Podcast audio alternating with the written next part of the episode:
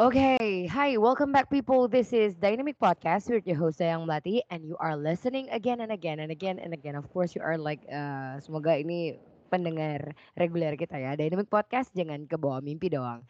This podcast supported and empowered by Dynamic Indonesia, sebuah digital marketing dan branding agency. Oke, okay, people kali ini di episode kali ini kita akan ngomongin um, apa ya ngomongin tentang krisis nih.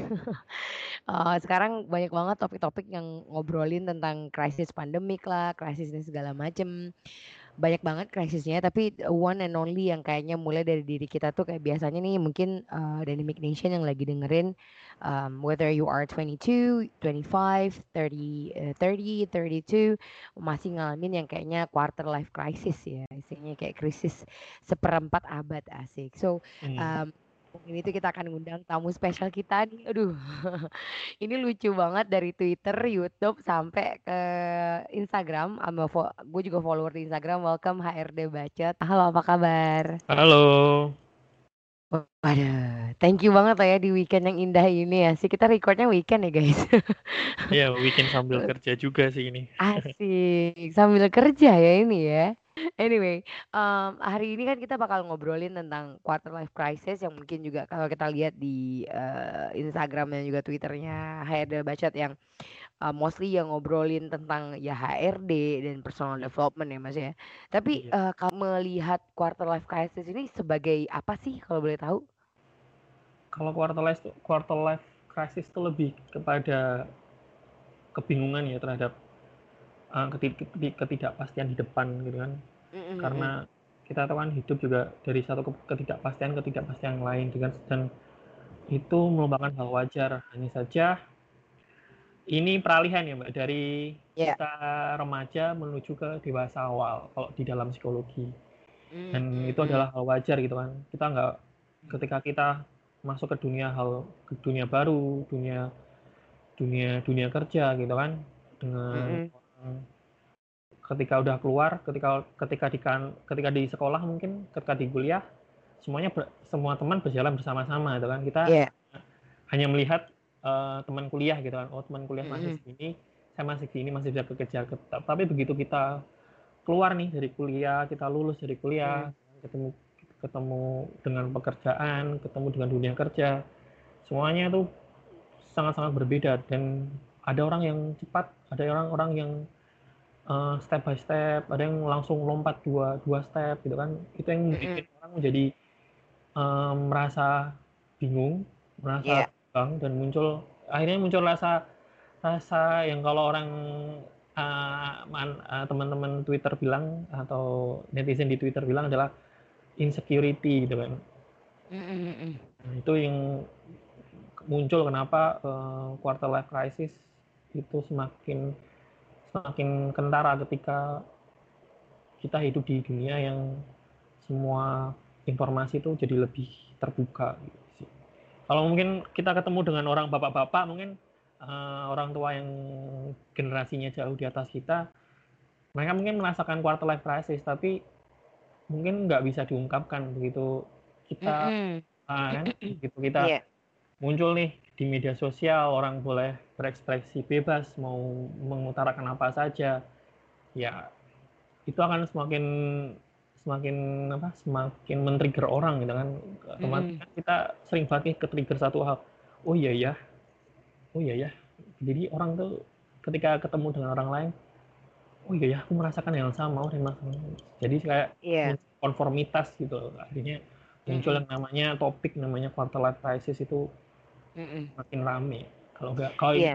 saya, saya saya lihat sekarang sih mbak. Kayaknya kalau aku setuju banget sih kalau um, bu baby boomer dulu kan mereka literally nggak punya waktu untuk bilang aku kena quarter life crisis ya. Kayak iya. literally yeah. they don't even identify apa sih ini gitu kan. Cuman yeah. kayak iya. kebingungan and they keep going with whatever it is gitu. Tapi um, um, basicnya pas diomongin kayak oke okay, quarter life crisis itu ada kebingungan uh, stepping up uh, kepada new life, new lifestyle gitu kan istilahnya ya. Setelah hmm. setelah kuliah atau segala macam setuju banget. Tapi ada loh uh, sebagian orang gitu ya maksudnya kalau kita lihat lagi gitu kan di society kita um, masih ada banyak orang-orang yang uh, mungkin nggak aware gitu istilahnya uh. gue lagi bingung atau enggak uh, apa namanya uh, harus ke mana hmm. uh, ini apa aku nggak tahu ya ini personal personal ini aja personal asumsi atau opini aja atau enggak gitu kan sehingga uh, decision atau keputusan-keputusan mereka terhadap hidup tuh jadi jadi apa ya? Jadi ke mana ke mana-mana gitu nggak terarah gitu. Gimana melihat tersebut melihat hal ini gitu? Apakah mereka mereka harus ngapain gitu istilahnya? Yeah. untuk menyadari hal ini? Mm. emang ini sih mbak. Emang uh, uh, salah satu hal yang menjadi uh, kesulitan sama atau uh, kebingungan anak-anak anak sekarang ya terutama saya yeah. ya mbak ya adalah ketika kita bisa melihat uh, semua semua yang dilakukan orang lain gitu loh. Yeah. Semua uh, semua bisa melihat nih orang tuh udah mencapai mana, orang udah mm. udah orang udah, udah orang udah sampai sampai level mana gitu kan. Mm. Kita tinggal buka uh, akun LinkedIn gitu kan, kita lihat mm. anjay udah sampai manajer nih gitu kan. Anjay, iya benar benar benar. Ya kan? Dia udah situ aku kok cuma segini sih gitu kan ya. Kok, kok dia udah bisa kayak gitu. Kok sih gitu iya. kan. Kan tiba-tiba iya, pusing iya, ya pusing. Terus gua ngapain ya? Gue ngapain Enggak. gitu kan Mas Chandra, Mas Chandra, yang paling bikin sedihnya tuh adalah anjir gue udah kerja keras sampai segininya, kok dia nggak kayaknya ngapa-ngapain udah sampai kayak gitu, aku aja yang udah kayak gini kok masih gini-gini aja gitu. Iya. ya, ya. perang batin jadinya ya. Iya, jadinya perang batin, kemudian mm -hmm. uh, kemudian muncul rasa, ah, mm -hmm. gue lima, misalkan orang yang udah kerja lima tahun, lah gue lima tahun udah ngapain aja ya, gitu kan. Mm -hmm. Pada akhirnya gitu kan. Iya betul yang udah gue lakuin apa aja gitu kan mm-hmm. yang kadang-kadang orang mikirnya ke situ gitu loh iya, akhirnya ya, uh, muncul banyak informasi apa dia dapat informasi banyak mm-hmm. uh, dan saya pun saya pun juga pernah merasakan hal tersebut mm-hmm. uh, menelan informasi mentah-mentah informasi yang ada tapi karena saya juga bekerja di HR terus, terus saya mikir mm-hmm. kadang-kadang tuh orang membuat posisi dalam bekerjanya itu menjadi lebih tinggi agar dipandang jadi lebih tinggi juga gitu loh. Padahal ya pekerjaannya kalau kita ngelihat nge-review job desk-nya, nah ini mah sama kayak kerjaan gua. Mm-mm. Gitu. Orang orang kadang nggak orang ya kadang harus menyadari melihat uh, kontribusinya juga begitu loh. Yeah. Uh, uh, orang jangan yang kita yang kita perlu pikirkan adalah uh, emang posisinya segitu ya gitu kan. Iya. Yeah. Nah, terus kita harus melihat oh ternyata enggak kok. Jadi gue nggak harus nggak harus khawatir dengan itu gitu karena stepping orang juga berbeda-beda Nah ini nih bang, aku pengen tanya nih Mas Chandra kan tadi Mas uh, pas waktu kita misalnya nih orang yang mungkin teman-teman Dynamic Nation yang sekarang dengerin hmm. pasti pas dia curhat kayak gini ke siapa lah gitu kan pasti ada satu kata yang selalu bilang ya udahlah nggak apa-apa setiap orang kan uh, setiap orang kan punya proses yang berbeda-beda gitu kan istilahnya. Nah cara berdamai dengan Ya udahlahnya itu gimana ya Mas Chandra? HRD Bacot ada ini nggak? Ada ada saran nggak dari semua curhatan yang ada nih? Ini mungkin uh, dari apa yang pernah saya lakukan ya Mbak ya. Mm-hmm. Karena orang itu berhenti pada ya udahlah ya. Mm-hmm. Kan orang-orang uh, orang-orang uh, jalannya berbeda gitu kan. Mm-hmm. Oke, setelah saya sampai di situ, tapi uh, mm-hmm. curiosity-nya, rasa yeah.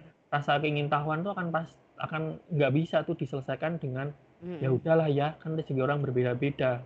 Mm-hmm. Sampai selesai di situ, tapi next uh, next stepnya atau uh, uh, apa uh, hal-hal yang konkret yang perlu dilakukan mm-hmm. itu kadang nggak mm-hmm. nggak nggak ini nggak nggak jalan gitu loh kalau betul betul kalau apa yang pernah saya lakukan ketika ketika menghalang meng, menjalan men, apa menghadapi posisi tersebut Mm-mm. Yang kemudian adalah uh, track back nih Mbak, apa yang udah yeah. saya lakukan, apa yang udah sebelum saya yang belum saya lakukan, Mm-mm. saya juga ngelihat nih uh, ke depan prospek uh, prospek uh, kalau kita melihat kita ngomongin di ranah pekerjaan ya ranah karir posisi mm-hmm. saya tuh bisa bisa ke mana sih gitu loh kita perlu melakukan uh, uh, mapping nih mappingnya adalah ke ke eksternal kita perlu melihat nih ke depan tuh mm-hmm. uh, prospek uh, untuk karir saya itu seperti apa itu yang perlu kita lihat terus yeah. oh, okay. uh, eh,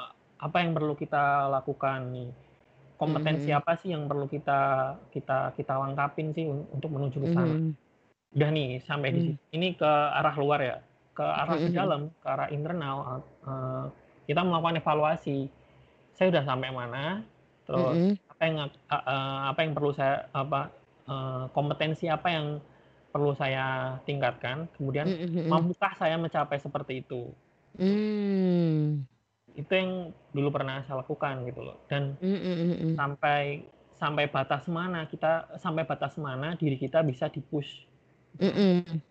Jadi kita tahu nih, kita perlu tahu. Jadi selain kita mengatur ekspektasi, kita juga perlu tahu jalan kita tuh ke mana. Itu yang hmm, okay. itu yang perlu kita sadari sih mbak. Berarti ini, uh, serunya itu adalah kali uh, kita harus tahu mau ke mana gitu kan, at least, uh, emang udah ngedesain nih diri hidup kita sendiri gitu ya. Pas aku juga ngalamin nggak tahu ya aku masih di quarter life atau enggak, tapi kayaknya udah nggak lagi sih, uh, waktu masa-masa krisis habis kuliah dan beberapa tahun, hmm. nggak beberapa tahun saya after then work gitu kan, hmm, um, nentuin yang kayak aku mau ke mana tuh kan emang um, karena overloaded information ya istilahnya ya di iya. Instagram iya. di mana-mana lah istilahnya kan. Kita bisa jadi apa aja bahkan kayaknya baru-baru ini kita nggak cukup bisa jadi satu hal aja gitu ya Mas Chandra ya. You can like in the morning kita lu bisa jadi trader malamnya bisa jadi uh, uh, gamer profesional gitu. Dan dan paling menarik banget thank you yang kayak ngomongin kita harus tahu skill apa aja yang sebenarnya harus kita improve. Anjir nih keren keren parah. Itu tuh karena kadang-kadang kita suka lupa ya Mas Chandra ya. Apalagi iya. walaupun udah dewasa ini gitu kan, udah pas quarter life crisis, yang kayak masih ada nggak sih, Mas Chandra masih suka ngalamin itu nggak? Atau ngelihat di HRD teman-teman HRD yang ngasa aku bingung nih hidup gue mau dibawa ke mana, ke mana gitu masih banyak nggak sih? Masih, bahkan saya pun uh, di tahun 2019-2020 tuh mengalami salah satu hmm. quarter life crisis ya. Ketika melihat yeah. teman-teman, uh, apalagi sekarang ada perusahaan startup ya, mm-hmm. yang gajinya bisa gila-gilaan gitu kan. Iya betul, sampai yang kayak terus sebulan 50 lihat, juta gitu. Ya kan, terus kita ngelihat anjir gaji mm. gaji segini, mm. ini gimana gimana cara cara nambahnya gitu kan iya iya pertama sih pertama mungkin uh, dulu saya saya ngelihatnya adalah oke okay, uh, eh, saya harus pindah gitu kan saya harus pindah mm. saya harus pindah saya harus pindah saya harus pindah gitu kan maksudnya pindah apa nih pindah perusahaan nih mbak oke okay, oke okay. pindah perusahaan untuk naikin karir karena kalau kita kelompat ke satu nominal gaji yang kita perlu inginkan gitu kan mm -hmm. kita nggak bisa nih langsung step up langsung naik dua digit gitu kan atau naik yeah. Iya. uh, ke nominal tertentu gitu kan. Mm-hmm. Nah, salah satu hal yang saya lakukan ketika itu adalah oke, okay, saya uh, uh, im, apa? Saya nyari nyari lowongan terus mm-hmm. saya melihat ternyata posisi saya bisa ke HRBP, bisa ke posisi yang lain gitu kan. Nah, tapi di dalam proses perjalanannya gitu kan ter- terjadi banyak kegagalan. Mm-hmm. Ketika masuk pak proses pandemi ada proses-proses yang kita udah tinggal sampai offering itu depending gitu kan nyesek banget kan iya betul Oke. Oke. dan saya di situ juga saya di saya, di situ juga uh, banyak melakukan hal gitu kan kayak saya melakukan proses one on one dengan dengan atasan gitu kan ngobrol. Pak saya mengungkapkan kecewaan saya kepada kepada perusahaan terhadap hal-hal yang saya nggak nggak sukain gitu kan. Dan untungnya atasan saya terbuka gitu loh mbak. Nah akhirnya uh, dari situ muncul nih mbak hal-hal yang oke. Okay, mungkin selain selain apa selain selain pindah saya harus bisa melakukan hal lain ya side job gitu misalnya hal lain dan hmm.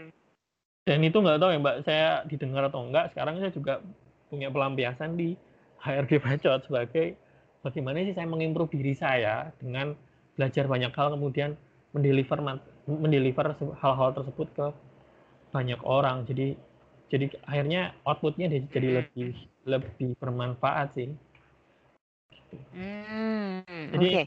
jadi mm, mm, mm. jadi emang emang emang walaupun kita udah memplanning kadang-kadang mm. kita punya insight-insight lain nih di dalam perjalanannya menuju planning jadi mm. uh, itu akan jadi hal biasa karena kan itu menjadikan plan A, plan B, plan C gitu kan jadi mm. kayak rencana cadangan gitu sih mbak Hmm, oke. ini menarik sih karena, uh, tadi yang bingung mau ke mana emang go talk to your, uh, superior atau tim lead gitu juga nggak apa-apa ya nggak langsung semerta-merta langsung pindah company gitu istilahnya ya mas ya Iya, ya. Kalau oke kita juga mesti ngeliat nih, atasan Mm, itu uh, orangnya yang terbuka atau enggak gitu loh. mm, mm, mm, Oke, kalau atasan uh, atasan kita tuh seorang yang terbuka uh, mm, mm, dan memang orangnya itu care, mm, maka mm. maka case yang saya ceritakan tadi atau kita harus uh, open ke atasan itu adalah satu hal yang bagus. Tapi ketika atasannya itu tertutup, uh, nggak care ya ya you must do something by Mm. yourself. Iya iya iya iya ini menarik ya. Karena kan sekarang apakah ini juga yang menjadi ini ya trigger banyaknya uh, jump eh, jumping off di di di karirnya milenial Betul, ya, uh. Mas ini ya. Oke oke oke. So kalau bisa ngasih tips nggak sih misalnya ke teman-teman Dynamic Nation di luar sana gitu kan juga ada nih uh, business owner atau startup founder gitu kan mungkin Hmm. juga uh, apa startup uh, asta startup aktivis ya istilahnya ya bekerja di startup terus habis itu kan aku tuh yang menjadi eh apa sih namanya menjadi pertanyaan aku adalah em, kan nggak sama ya istilahnya ya, kerja di milenial atau di startup itu dengan kerja di eh, corporate gitu loh istilahnya Iya. workload dan segala macamnya. Kalau Hmm. dari pandangannya Mas Chandra sendiri tuh gimana ya work life balance-nya gitu dengan overloadednya kerjaan gitu? Kalau uh, work life balance uh, mungkin kalau sa- saya mempercayai bahwa work life balance Iya. itu sebenarnya uh, membalance uh, apa kita harus balance. Sebenarnya work life balance itu kalau menurut saya adalah satu hal yang hal yang susah gitu loh karena Mm-mm. tuntutannya udah banyak banget terutama di Betul. startup. Bagaimana kerja itu uh, kerja itu kerja itu apa uh, kerja itu kerja itu harus hampir lebih dari 8 jam kerja kan. Betul, Apalagi betul. Sabtu Sabtu kadang-kadang kita harus kerja juga gitu kan. Betul. Kayak Mas Chandra ini lah ya. Sabtu kayak tadi eh, Mas Chandra bilang, "Oh ya, Mbak Daya nggak apa-apa sambil kerja kok ini." Oke, siap. Hari Sabtu masih kerja. Mm. Hari Minggu ini, Mbak. Heeh. Ya. Eh, sorry, sorry hari Minggu. Oh my gosh. Oke, lanjut, Mas. Nah, eh, pertama ya kita kita perlu tahu sih eh, kita tuh eh, interest interest lain pekerjaan itu apa sih gitu. Hmm, Kita kita perlu tahu nih eh, eh, interest di luar pekerjaan itu apa. Itu yang jadi pelarian gitu loh. Jadi membalance antara pekerjaan dan rekreasi.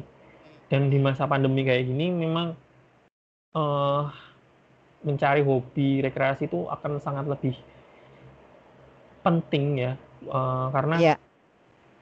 kita beberapa kita ataupun beberapa orang bekerja di rumah dengan Iya.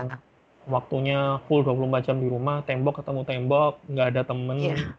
Kadang kalau yang anak kos itu stres pasti karena Mm, tembok ketemu tembok, eh, makan juga delivery lewat delivery gitu kan. Ya, Iya, ya kita harus nyari pelar- pelariannya pelarian-pelarian yang pelarian yang eh, positif gitu, mencari hobi atau sebagainya. Kadang dan beberapa orang bahkan eh, lebih ekstrimnya ketika weekend karena udah capek ya full semuanya tidur gitu loh.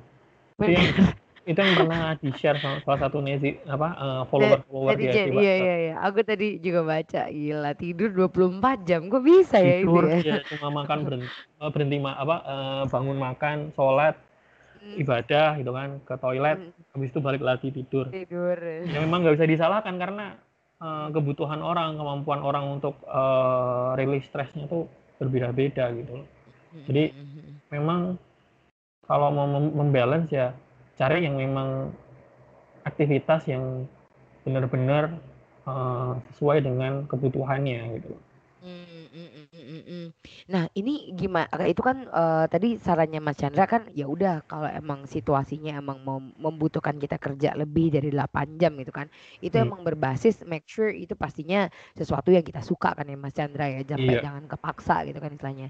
Nah, Hmm. kalau menurut Mas Chandra sendiri nih working more than 8 hours gitu kan istilahnya.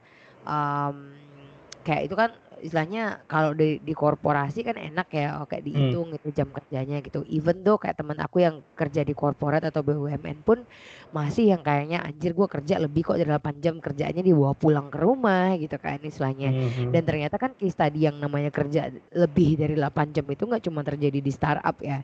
Uh, mostly ya hampir di semuanya gitu. Nah, kalau menurut Mas Mas Chandra itu sehat nggak sih? Atau emang ada some- uh, ada hal lain yang bisa kita lakuin gitu istilahnya? Kalau memang udah telan kalau pekerjaan itu di apa lebih dari 8 jam dan itu berlaku setiap hari, ya pasti akan yang namanya orang itu kan mengalami fase di mana orang itu kan burn out gitu kan. Iya. Terus eh, orang akan mengalami, mengalami stuck ketika berpikir, ketika berpikir Ah. kreatif, gitu kan. itu pasti gitu kan. Jadi Iya betul. jadi Sekuat apa pun orangnya pasti ya Mas ya. sekuat Aduh. apa pun orangnya sih, karena nanti juga satu pela- apa orang ketika mengalami stuck atau eh, burnout ya satu orang jadi nggak termotivasi dua orang akan lebih eh, denial atau menghindar terhadap- pekerjaan yang ada gitu kan. Orang jadi eh, tingkat prokras- prokris- prokrastinasinya tinggi gitu kan. Terus eh, kadang nge- ngebales WA atasan atau tim apa teman kantornya itu jadi lama gitu kan. Yang memang seharusnya eh, kalian bekerja juga ketika waktunya capek ya udah selesaikan gitu loh kalian kalian bisa kalian bisa harusnya bukan seharusnya ya memang ketika udah capek ya ngobrol sama atasan gitu. Ini- tapi ini berla ini ini ini nggak bisa berlaku dengan semua hal karena atasan kebanyakan akan nge-push kita dengan satu hal yang yang gila-gilaan gitu kan ada mungkin yang eh, ter- lebih terbuka pak saya capek nih pak. Eh, saya bisa minta deadline nggak? Oh ya udah keluar. Oh oh ya udah silakan gitu. Ada yang nggak bisa kamu harus datang harus harus stop ini gini gini gini, gini. jadi mungkin kalian eh, harus stop tapi dengan cara yang menurut kalian itu sesuai dengan kondisi lingkungan. Kalau memang terbuka eh, punya atasan yang terbuka punya Mm-mm. punya teman partner yang terbuka kalian bisa nih eh, mengkomunikasikan ini. Tapi ketika nggak punya tem- teman yang terbuka terus eh, atasan juga toxic ya Mm. kalian mau nggak mau harus kayak nekat sih mbak Iya seperti iya iya. itu, seperti itu jadi memang mau nggak mau harus dipaksa sih mbak karena Mm, mm, mm. ini menyangkut apa ya menyangkut kondisi kesehatan mental juga Iya iya. karena Aku setuju banget. Mm, mm. Hmm, karena kita nggak bisa ngatur semuanya sih mau nggak mau Mm. kita kita kita bisa eh, berper- apa eh, mengkomunikasikan sebagai cara yang lebih soft atau yang hard Iya. go away Mm-mm. gitu kan Mm, mm, mm. HP dimatiin nggak buka Mm-mm. laptop di rumah udah Iya. Tapi mau gimana nggak buka laptop ya kan kalau istirahat juga nonton Netflix ya. itu masalahnya tapi kalau untuk pengguna Hmm. pengguna eh, eh, pengguna pengguna gadget kayak iPhone Eh, itu kan iya. mereka, bisa ada pengaturan pengaturan hal tersebut kalau dengan Iya. memisahkan du- eh, WhatsApp kantor dengan WhatsApp eh, WhatsApp eh, kantoran sama WhatsApp pribadi gitu kan bisa Hmm. dipisahkan jadi dan sebenarnya Menarik. banyak orang yang sudah melakukan hal tersebut Iya, iya, iya. Menarik loh ini. Anyway, em, karena itu pas aku tadi juga relate gitu kan, kayak yang pasti omongin Ya. kayak gitu yang kayak try not to open laptop during weekend gitu. Tapi gimana dong, gue nonton film Korea di di laptop.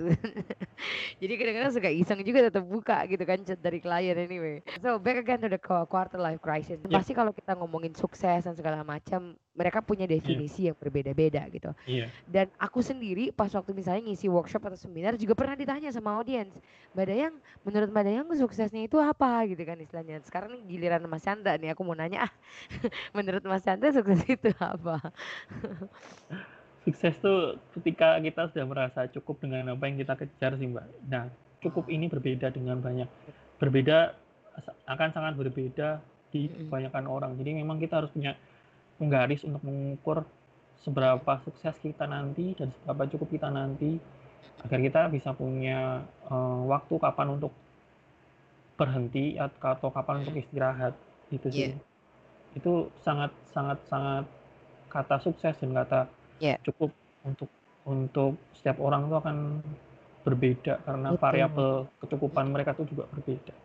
Tapi kalau seandainya gimana sih, uh, misalnya nih, uh, sebelum kita nanyain gimana menghadapi quarter life crisis lah ya, yeah. uh, dari Mas Chandra sebagai HRD Bacot sendiri, coba dong share-share yang di-share di ke Chotizen, asik nih namanya unik-unik ya, Mincot, Chotizen. um, apa ya. namanya Iya iya, uh, indikasi kalau kamu lagi ngalamin quarter life crisis menurut Mas Chandra apa aja tuh? ketika kita itu bingung dengan kita udah udah ngerjain sesuatu nih terus kita merasa ya. kok nggak guna ya terus aku iya, kapan nih nyampe nyampe ke sana nih gitu kan. Iya, kapan iya, iya. Pak, aku kapan nih kayak kayak uh, kayak kayak temanku gitu kan. Itu yang yeah. pertama. Terus uh, yang kedua adalah yang kedua adalah uh, kita tuh jadi minder gitu loh. Ah kok nggak kok nggak kayak gitu kok hmm, padahal dia tuh punya kemampuan gitu loh. Dia punya dia punya dia punya dia punya salah satu apa ya salah satu modal atau uh, potensi tapi nggak kelihatan karena dia merasa duh kok nyampe segini nggak nggak ini nggak nggak nggak nyampe nyampe ya kayaknya aku cuma yeah. segini doang deh gitu kan itu yang kedua yang ketiga adalah ketika kita nggak merasa bahagia gitu loh hmm. terus uh, uh, kita merasa merasa putus asa terus nggak hmm. Putus asa terus kita merasa uh, minder dan ketiga adalah yang nggak bahagia itu tadi oke okay. ini doang sih gitu kan yang yang ketiga kemudian uh, dia terlalu uh, comparing sama sesuatu hal yang menurut dia jadi jadi jadi menurut dia itu uh, comparing sama omongan-omongan orang gitu loh mbak maksudnya hmm. apa ya dia terlalu banyak mendengar mendengarkan uh, omongan orang jadinya orang eh kepikiran kepikiran dan kepikiran gitu kan dan yeah. dan, dan seperti uh, yang saya sampaikan nggak cuma omongan orang tapi juga dia dengan dengan mata kepala sendiri melihat orang itu udah sampai udah sampai ke tahap mana, ke tahap mana itu yang makin memperberat orang gitu loh. Iya iya iya iya. Wah. Itu sih. Jadi jadi uh, ciri-ciri mungkin yang yang saya yang saya rasakan juga sama gitu loh.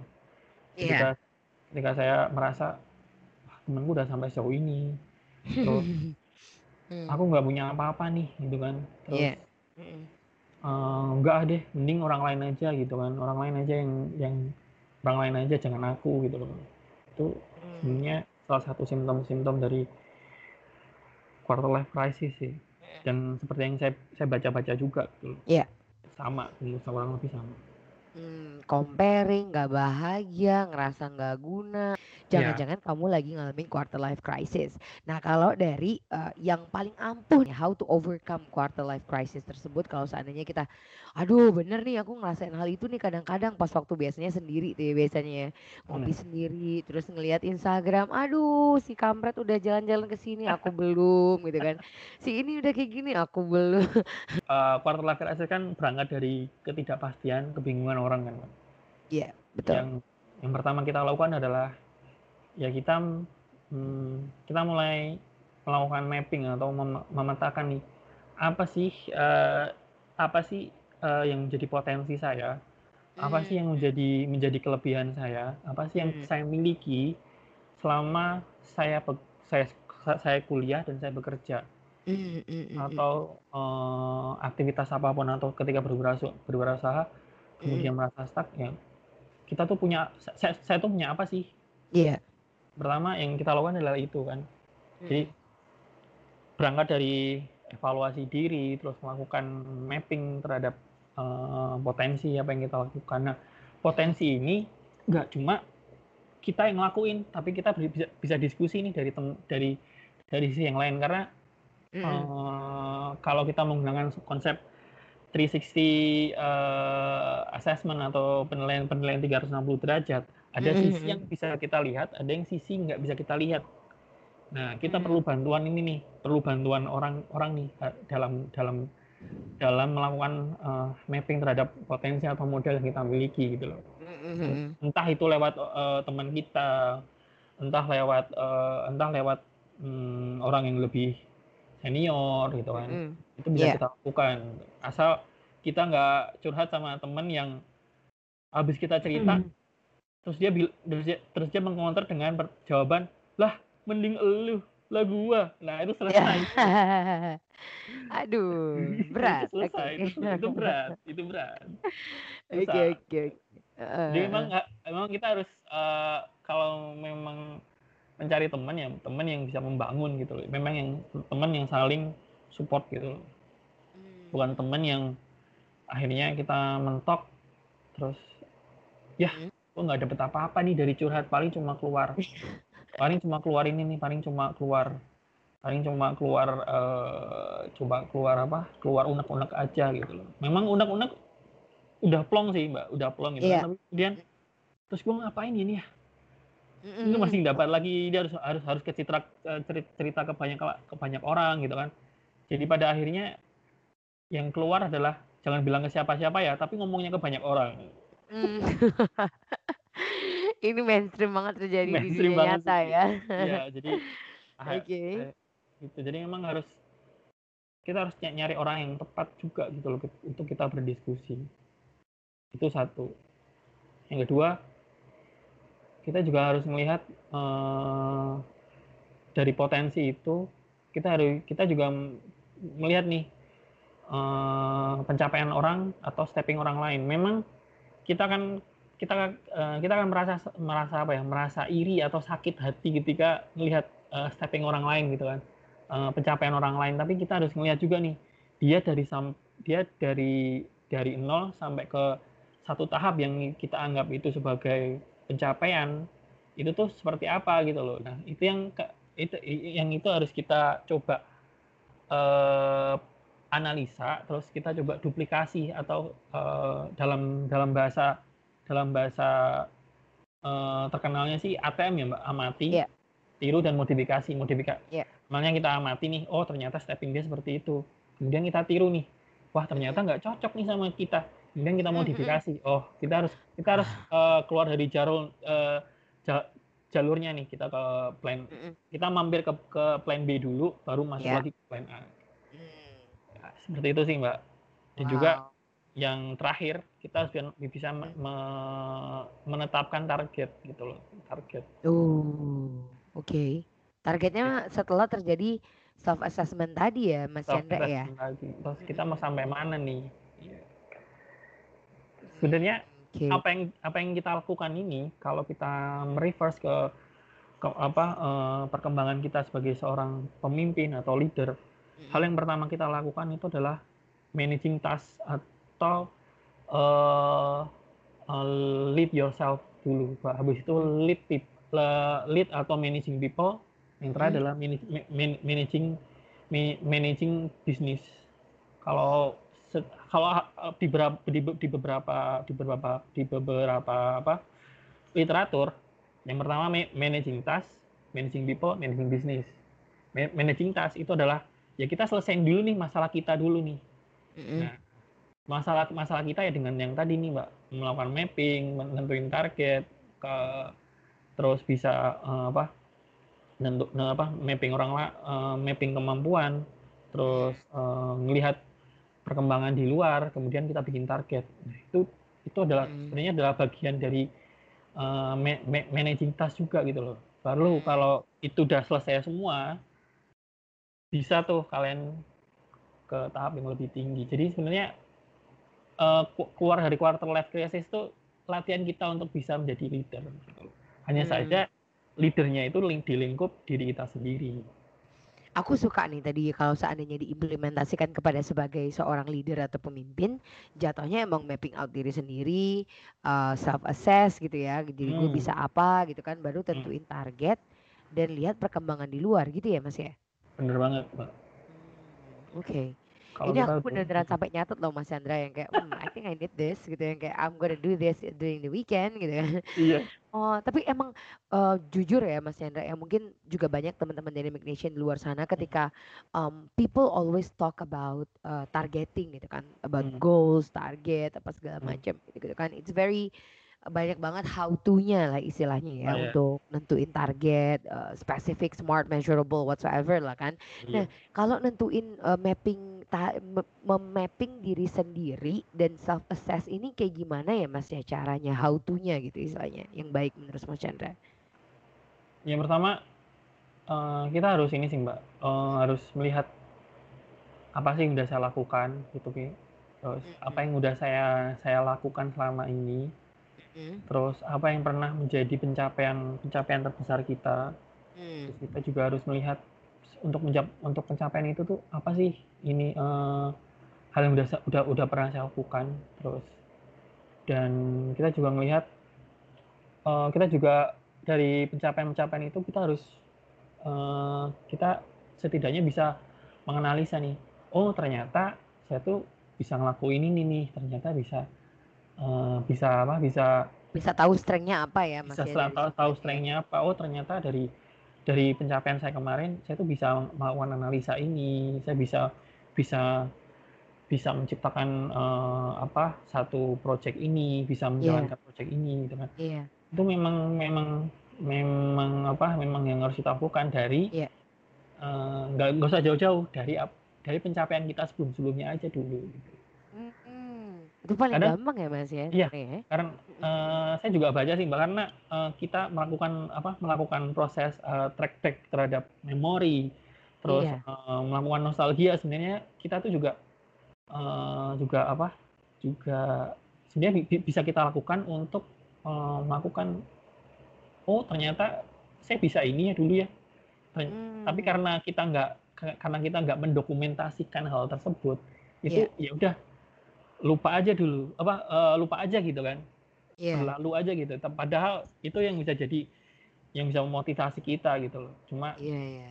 itu, cuma ya Oh. lupa aja gitu Mbak. Siap siap siap. Wow, ini jujur ya, mmm, recently aku beneran ben bener-bener pengen banget yang yang dibilang nggak mapping out dan segala macam. Itu, mmm, apa sih namanya, eee, yang dibilang sama Richard Branson ya, yang, eee, dream boards yang kayak gitu-gitu ya Mas ya.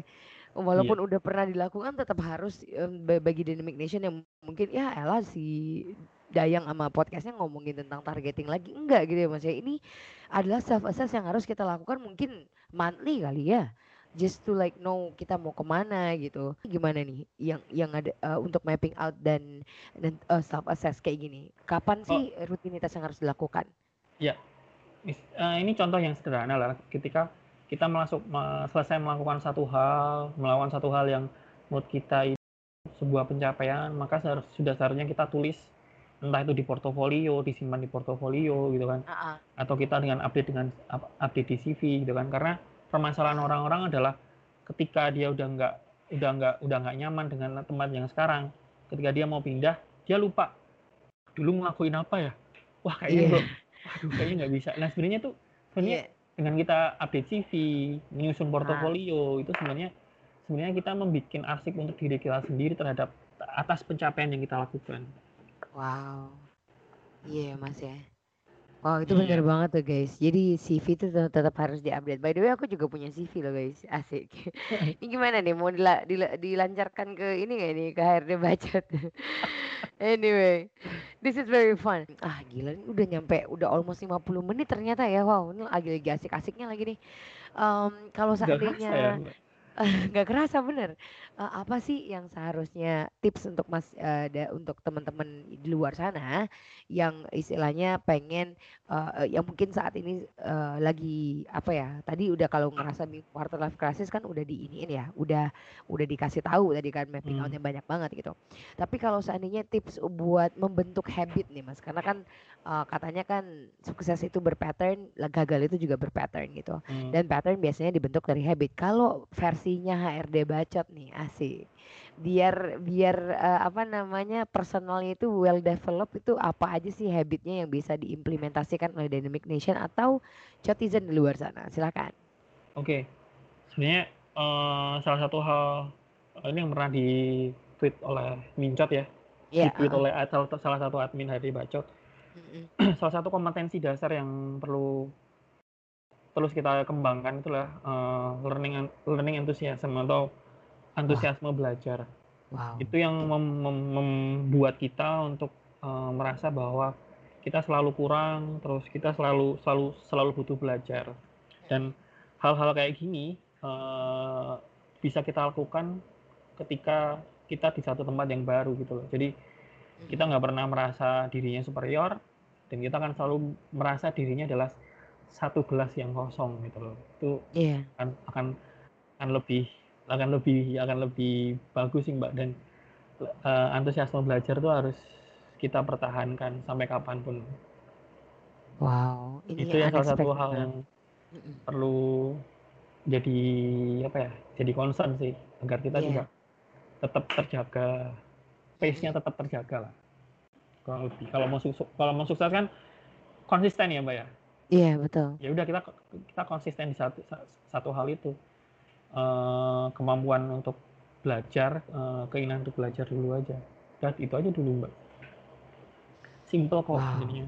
Wow. Jujur ya, ini uh, advice terakhir itu unexpected banget. Kirain Mas Hendra bakal ngomongin apa gitu kan. Kayak, oh ya kalian harus ini sehari, bla bla bla. Ternyata yang kayak antusiasme. Kita harus tetap menjaga antusiasme kita untuk tetap terus belajar. Iya, karena It's, ya itu penting sih Mbak. Iya. Nggak usah muluk-muluk sih karena small things big impact. asik. Small Asik. things, big impact. HRD Bacot. Thank you so much dengan powerful closing statementnya. Small, uh, apa bang? Uh, sm- uh, Small small things big impact. impact. Iya, small things, big impact. Saya Dayang Melati dan Jadi Herdi Bacot. Thank you so much for listening to this podcast and see you in the next episode with uh, of course our tagline jangan ke bawah mimpi doang. Bye semuanya. Assalamualaikum.